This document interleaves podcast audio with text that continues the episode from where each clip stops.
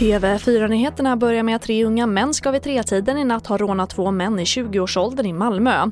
Gärningsmännen ska ha varit delvis maskerade och trängt sig in i en lägenhet och hotat 20-åringarna med någon form av tillhygge och fått med sig en hel del grejer. Ingen har ännu gripits för händelsen. Och minst 35 kommuner kommer att kräva ekonomisk ersättning av bolaget Tunstall efter de landsomfattande problemen med trygghetslarm. Det visar en kartläggning som TV4 Nyheterna gjort. Problemen inträffade efter en systemuppdatering i oktober då svarstiderna på larmen gick från några sekunder till timmar. Och den nagelbitande rösträkningen i USA fortsätter. Det är mycket jämnt och striden står nu om fyra delstater. Samtidigt fortsätter president Donald Trump att anklaga Demokraterna för valfusk. Ann Tiberg är på plats i USA och berättar om reaktionerna på Trumps anklagelser.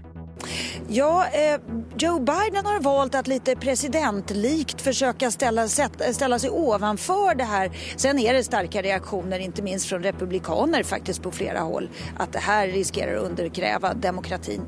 Och det får avsluta TV4-nyheterna. Jag heter Charlotte Hemgren.